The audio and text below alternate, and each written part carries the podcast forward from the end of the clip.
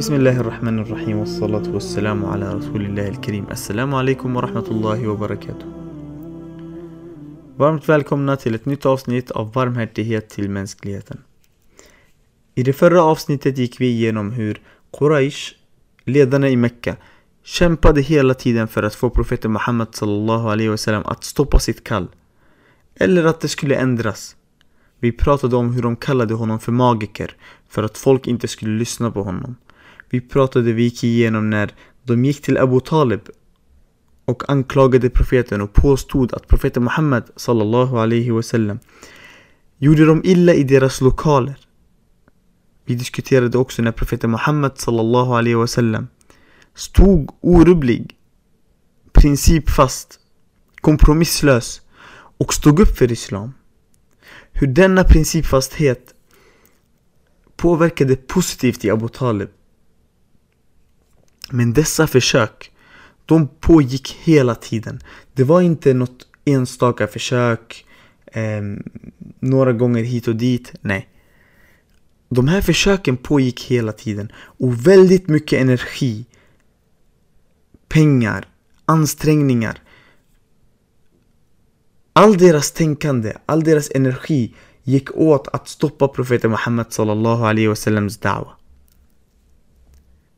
När de misslyckades med att kalla profeten Muhammed sallallahu alaihi wasallam magiker eller någonting annat så bestämde Quraysh att skicka en man som hette An-Nadr ibn al-Harith till dagens Irak, Al-Hira, som låg i Persien på den tiden.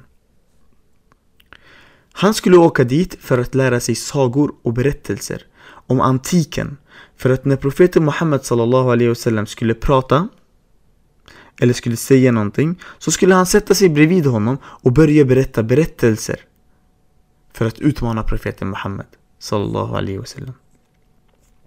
Tänk er att de skickade honom cirka 1400 kilometer.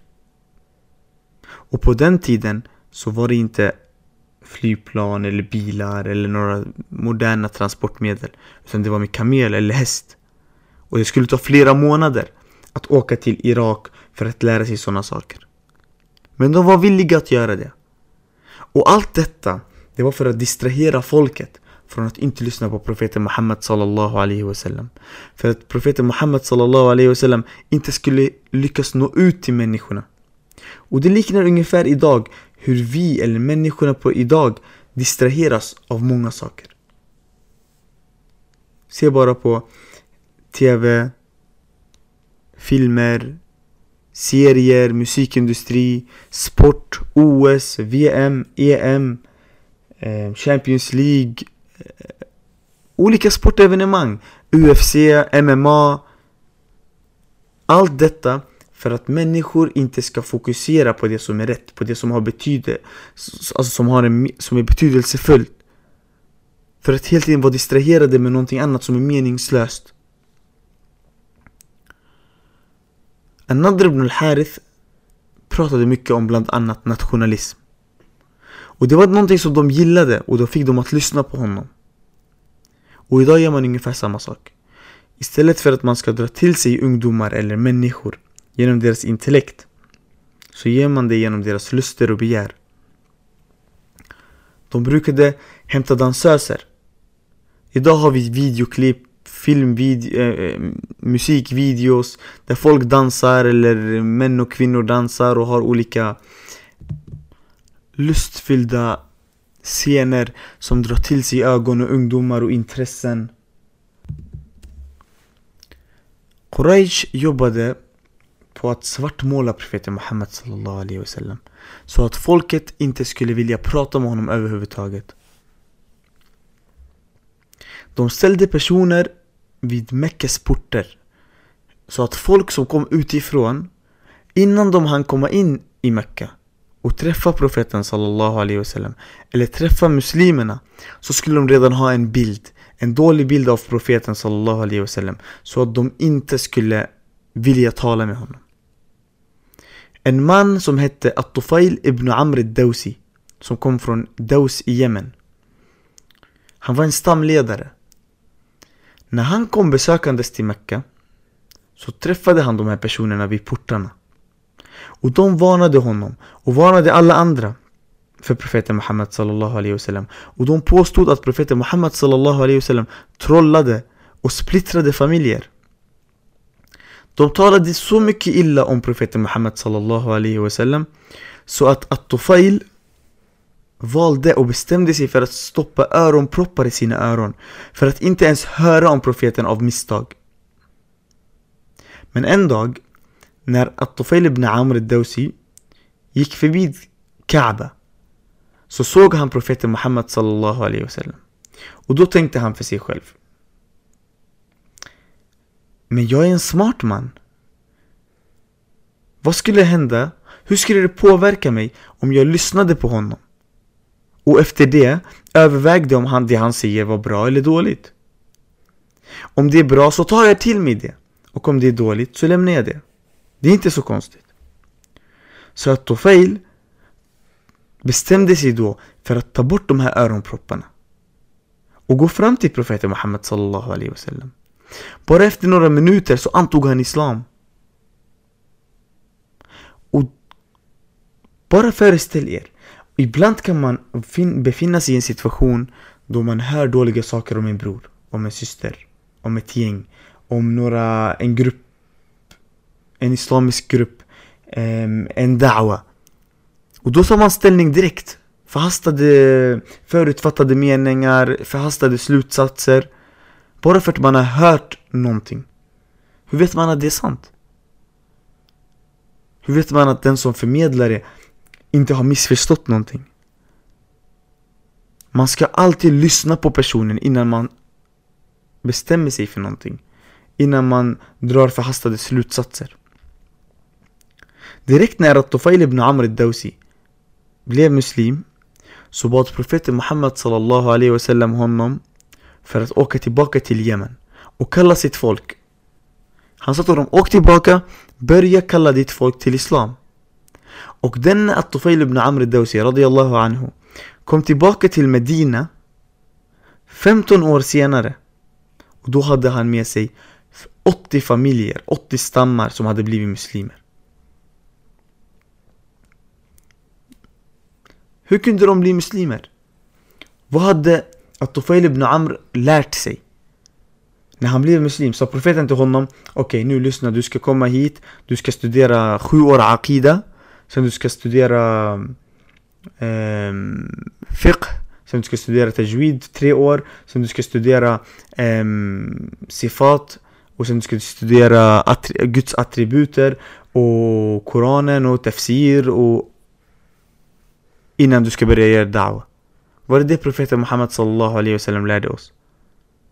Nej, utan Bellighu anni walau aya som profeten Muhammed sallallahu alaihi wasallam sa Förmedla om mig, även om ni kan en vers Även om ni kan en, en hadith Så att Tufail ibn Amr Dawsi lärde sig La ilaha illallah Muhammad Rasulullah. Han var övertygad och visste att det bara fanns Allah subhanahu wa ta'ala. Som Allah är den enda guden. Och han visste att profeten Muhammad sallallahu alaihi wasallam var profet. Det räckte för honom att kunna förmedla det. Inte som vi ser idag. Så fort någon ska börja studera islam eller börja förmedla islam, ehm, lära sig, lära andra om islam så börjar man alltid ställa så här. Okej, okay, vad har du studerat för islam? I, vilken, i vilket universitet? Ehm, vilka vetenskaper kan du? Har du studerat tafsir? Har du studerat usul? Har du läst aqida? Har du läst usul i tawhid? Eller de tre grunderna? Men det, inte, det behövs inte alltid. Det är jättebra att studera islam. Det är jättebra att fördjupa sig i islamska studier. Man ska inte tala utan kunskap. Men det betyder inte att om man kan en vers, har studerat den, vet vad den innebär, att man förmedlar. Definitivt inte. Eller att man kallar folk till Islam. En annan man som är väldigt känd som hette Abu Dhar al-Ghifari. Det var också en man som kom från Yemen. Från Ghifar. När han var i Ghifar, alltså i Yemen, så hörde han om profeten Muhammed sallallahu alaihi wasallams kall och hans da'wa. Han bestämde sig då att skicka sin bror till Mecka för att veta mer om profeten Muhammed sallallahu alaihi wasallam. När hans bror kom till Mecka så blev han muslim och han återvände till Abu Dhar och han berättade för honom. När Abu Dhar frågade honom vad har du hittat där? Så berättade han att det fanns en man som kallade till att full, fullända eller fullborda det fina uppförandet. Profeten Muhammed sallallahu alaihi wasallam sa Innama bu'ithtu liutammima makarim al-akhlaq. Jag skickades, eller jag sändes, för att fullborda det fina uppförandet. På en gång så åkte Abu Dhar till Mecka. Men han upptäckte genast att frågor om profeten på den tiden och i Mecka var förbjudet. De hade stämplat profeten Muhammed sallallahu alaihi wasallam, förbjudit folk att fråga om det för att de inte ska veta vad islam gick ut på, vad, hur, att folk skulle bli muslimer och liknande.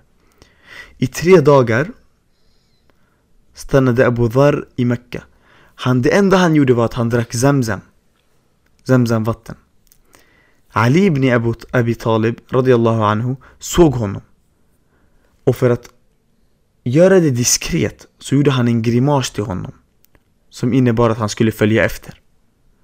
أبو ذر الغفاري رضي الله عنه فشتود علي ابن أبي طالب رضي الله عنه ميندا سو فلد أفتهون.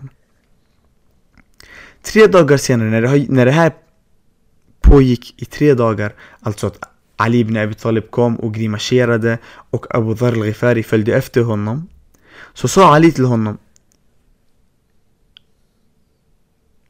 ويري فروغنو أبو ذر سو Jag letar efter Muhammad. Stämmer det att han är Allah subhanahu wa ta'alas sändebud? Ali ibn Abi Talib svarade honom då Ja, det är han. Då bad Abu Dhar al-Ghifari Ali ibn Abi Talib radiallahu anhuma att ta honom till profeten. Och Abu Dhar omfamnade Islam och blev muslim då. Samma sak hände då. Profeten Muhammed sallallahu alaihi wasallam bad honom att åka tillbaka till Ghifar, till hans hemstad och kalla folk till Islam. Så fort han blev muslim så bad profeten Muhammed sallallahu alaihi wasallam honom att kalla folk till Islam. Och det var så situationen i Mecka såg ut. Man fick inte prata om profeten, man fick inte prata om Islam, man fick inte fråga om det heller. Precis som idag, det, de måste efter alla de här så kallade terrorattackerna mot Bryssel, mot Paris, Isis, 9-11 så har man nästan svartmålat, svartstämplat islam, terrorism, fundamentalism, radikalism och jag vet inte vad. Och det är bara för att folk inte ska våga ställa frågor om islam. Folk ska akta sig för islam. Folk inte ska, för att vanliga befolkningar, svenska befolkningen, västerländska folk inte ska kunna våga fråga om islam, alltid ska akta sig för islam. Och samma sak pågick där, i Mecka, för 1400 år sedan. Mecka och Quraysh försökte på ett annat sätt att få Muhammed sallallahu alaihi wasallam att lämna sitt kall helt och hållet. När de satt tillsammans i Dar Nedwa i deras lokal och diskuterade hur de skulle göra det så kom någon på att de skulle prata med profeten Muhammed sallallahu alaihi wasallam. Al-Walid ibn al-Mughira var som sagt en av de stora männen i, i Quraysh, i Mekka. Han gick till profeten Muhammed sallallahu alaihi wasallam. Han pratade med honom och försökte övertyga honom att sluta kalla till Islam, att sluta sprida det islamska budskapet i Mekka. Profeten Muhammed sallallahu alaihi wasallam brukade lyssna på dem, vad de sa, och lyssna till punkt. Och när de var färdiga brukade han alltid svara. وقفت سبيك عن سبارة من الله سبحانه وتعالى أبن باردة سنة الوليد بن المغيرة وفادي سو أبن باردة الله سبحانه وتعالى فليان دفشر أعوذ بالله من الشيطان الرجيم. بسم الله الرحمن الرحيم. حاميم. تنزيل الكتاب من الله العزيز العليم. غافر الذنب غافر الذنب وقابل التوب. شديد شديد العقاب ذي الطول. لا إله إلا هو La ilaha illahu ilayhil masir. Uppenbarelsen av denna skrift är Allah subhanahu wa ta'alas verk. Den allvetande, den allsmäktige. Han som förlåter synden och tar emot ånger. Och som straffar hårt men låter sin välsignelse flöda över de troende. Ingen gudom finns förutom honom. Han är målet för allas färd. När Al-Walid ibn al-Mughira hörde dessa verser återvände han till Quraysh. Och som sagt, den här mannen var en av de mäktigaste i Mekka. Han brukade träffa kejsarna och, av Persien och romarriket. När han kom tillbaka sa han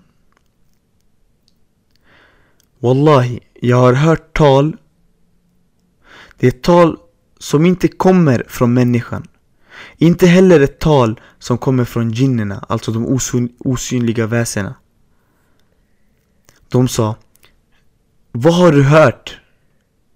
Vi har skickat dig för att du ska påverka och pressa honom och låta honom förstå att det, det här är en verklighet han måste stoppa. Han måste sluta sitt kall. Du är den språkfärdigaste av oss alla och den kunnigaste inom poesi, spådom och trolleri. El-Walid svarade Vid Allah, det är gott. Vid Allah, det är gott. Den ger goda frukter. Dess grund är stabilt. Den överstiger allt annat och ingenting kommer att överstiga den. Och den förstör allt under den. Vad ni än säger om den så kommer falskheten i det ni säger att vara uppenbart.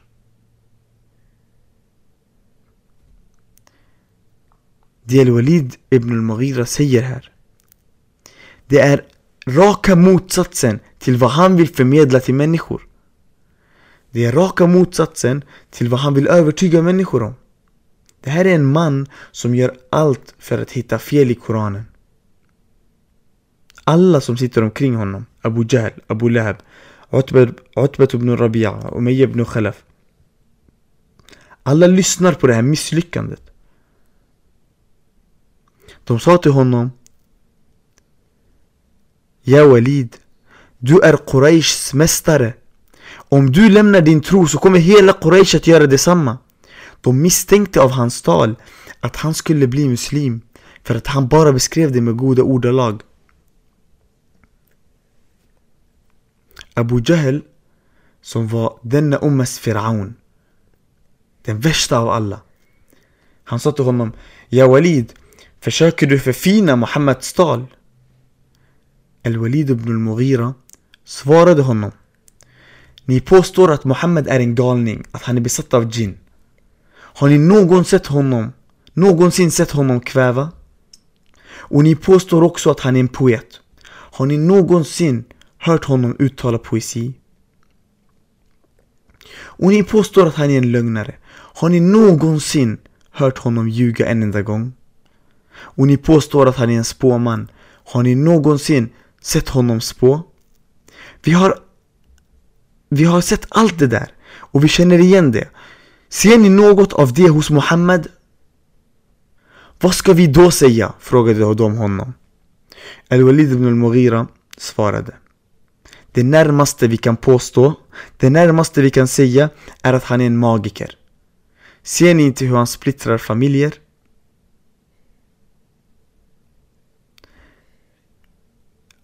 Det är otroligt tydligt hur deras försök och deras diskussioner är rena rama barnsliga diskussioner som bara vill svartmåla profeten, svartmåla islam och de har ingenting att komma med. De är fattiga, de är bankrupta. Efter det här misslyckade försöket så skickas en annan delegation till profeten Muhammed sallallahu alaihi wasallam. Den här gången var det inte Al-Walid ibn al-Mughira som gick utan det var Utbat ibn Rabi'a. Och när han kom till profeten Muhammed sallallahu alaihi wasallam så sa han brorson. Utan det var ett, det här att säga brorson, jebna akhi, det var mer av visa, för att visa respekt. Så han sa, jebna akhi, brorson. Du är bland oss så som du vet i din status och din stam och din position bland oss. Du har kommit till ditt folk med en så stor sak som har splittrat deras enighet, kritiserat deras fel i samhället och sättet de lever på. Och du förbannar deras gudar. Ja Muhammed, du har splittrat oss. Du nedvärderar våra förfäder. Och du hånar vår religion. Så att det har spridits ett rykte bland araberna att det finns en galen man i Quraysh. Är denna din, denna religion, denna ideologi som du har kommit med, är den bättre än Abdullahs din, alltså hans pappa, profetens pappa? Profeten Muhammed sallallahu alaihi wasallam var tyst, han svarade inget. Är den bättre än Abdel Muttalibs din, alltså profetens farfar? Och profeten Muhammed sallallahu alaihi wasallam respekterade hans pappa och hans farfar väldigt mycket. Så profeten Muhammed sallallahu alaihi wasallam svarade inget. Så Utbet ibn Rabi'a fortsatte. Han sa Om du säger att deras din är bättre än det du har kommit med så har de dyrkat vår Gud. Men om du däremot säger att din din är bättre så låt oss höra vad du har att säga. Ingen har sannerligen gjort mot sitt folk så som du har gjort mot ditt Ja Muhammed. Alltså som, så, så som profeten Muhammed sallallahu alaihi wasallam har gjort mot Mecka. Vad är det du vill Muhammed? Vill du att det ska leda till inbördeskrig där det löser sig med svärdet? Tänk dig att profeten Muhammed sallallahu alaihi wasallam fick höra alla de här sakerna.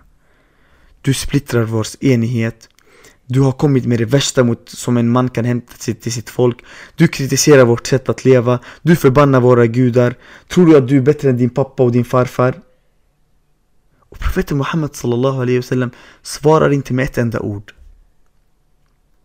Det enda profeten Muhammed sallallahu alaihi wasallam svarar honom Afaragta ya Abel Walid Är du klar? Är du färdig? Har du något mer att säga? Och det här är av profeten Muhammed sallallahu alaihi wasallams respekt, hans akhlaq, hans moral. Även i de svåraste stunderna, när han sattes för den mesta pressen, så kunde han behålla lugnet och respektera sin motpart. Och det är någonting vi kan lära oss av. Ibland när muslimer diskuterar med sinsemellan, så, så fort någon säger ett ord så blir vi arga, vi blir aggressiva, vi säger dumma saker, vi börjar använda fult språk. Kolla profeten Muhammed sallallahu alaihi wasallam vad han fick höra. Det enda han sa, är du färdig? Har du sagt ditt? Får jag prata nu? Och lägg märke även till vad han anklagar profeten för. Att han splittrar deras familjer, att han kritiserar deras sätt att leva, att han förbannar deras gudar. Så profeten Muhammed sallallahu alaihi wasallam kallade inte bara till att de ska ta bort de här statyerna.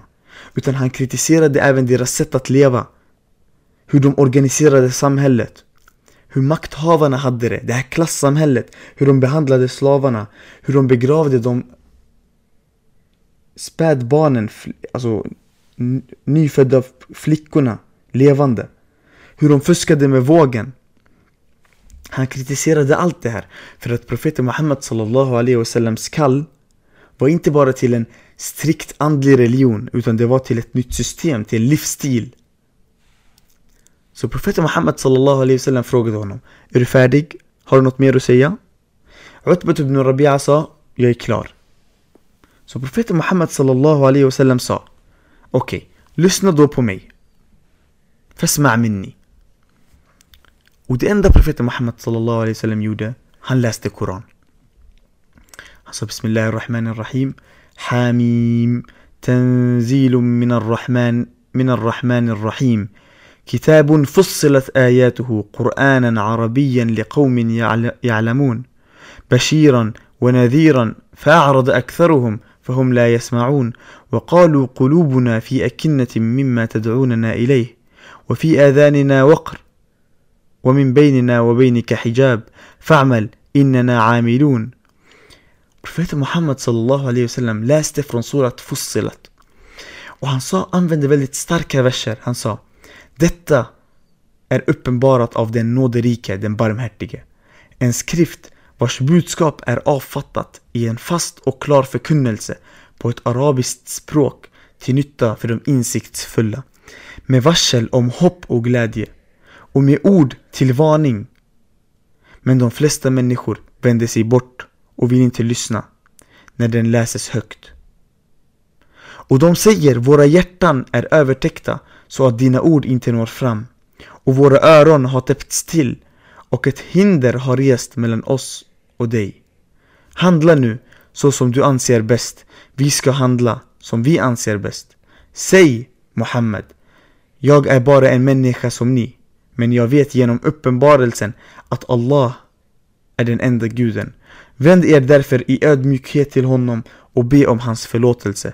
Olyckliga de som sätter medgudar vid hans sida. وبروفيت محمد صلى الله عليه وسلم فوت شتى أتلاسا قرآن ولا سفر صورة فصلت تلس هنكون فرام تفليان دباش هنصا فإن أعرضوا فقل أنذرتكم صاعقة صاعقة مثل مثل صاعقة عاد وثمود Och säg, om lyssnarna drar sig undan, jag varnar er för en katastrof som den som förintade stammarna Ad och Thamud.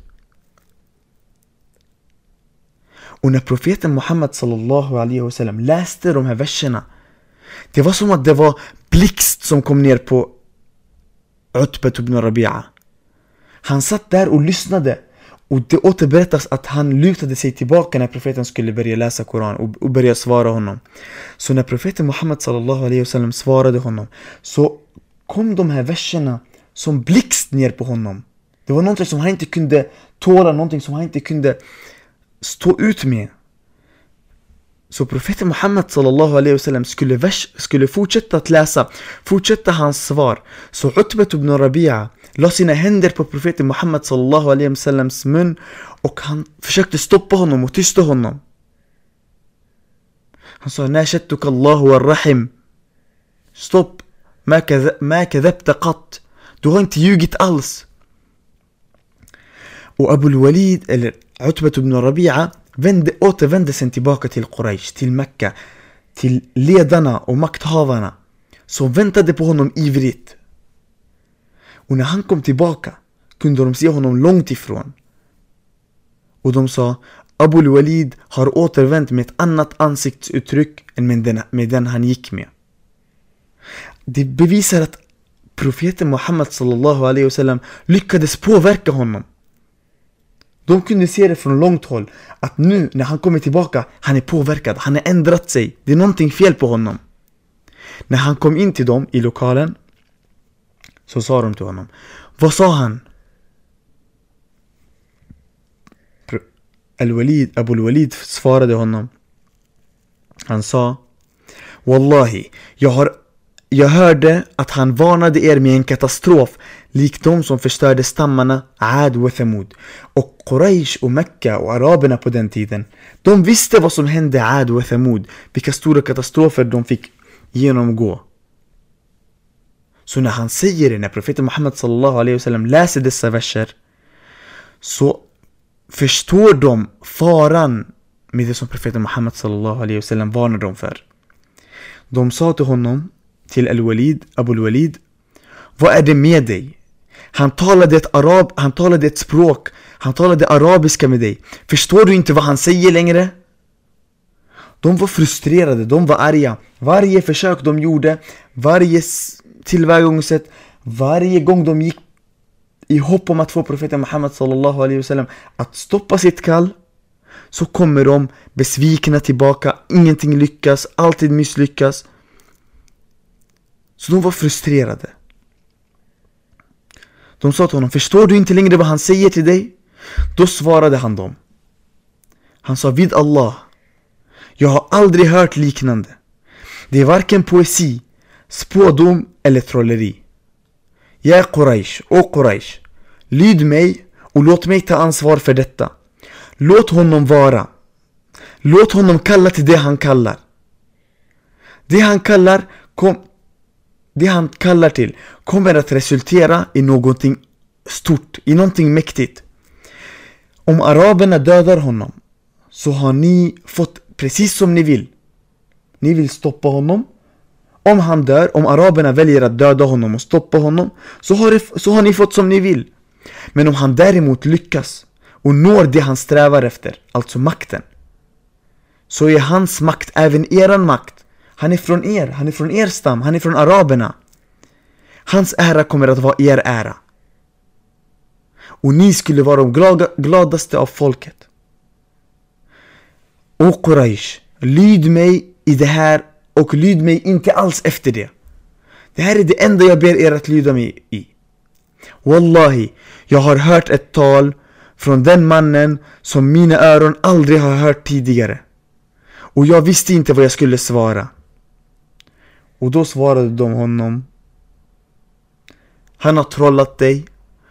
Och alla svarade på samma sätt så att Abu Walid svarade dem Det här är min åsikt men gör som ni vill. Och efter det så splittrades de och de var alla efter alla dessa försök lika resultatlösa och tomma på, tomma på tillvägagångssätt och metoder och nya idéer på hur de ska stoppa profeten Muhammed sallallahu alaihi wasallam. Vi ser hur profeten Muhammed sallallahu alaihi wasallam efter varje försök, varje gång de försöker någonting nytt de försöker ändra, de försöker erbjuda någonting De försöker hota honom, de försöker prata med Abu Talib Varje gång Varje gång så är profeten Muhammed sallallahu alaihi wasallam lika kompromisslös Lika orubblig, lika hållfast Principfast Väl, vägrar att ändra sig, vägrar att byta Hur ska en profet som har sänts av Allah subhanahu wa ta'ala, av skaparen och ha ett budskap att förmedla Hur kan han börja leka med den? Börja ändra? Börja kompromissa? Okej, okay, vi blandar lite kufr med lite iman Lite islam med lite o-islam Kommer det då vara islam? Kommer det då vara sanning? Hur kan du blanda lite sanning med lite falskhet? Lite san sant tal med lögn och fortsätta tro att det kommer vara någonting gott.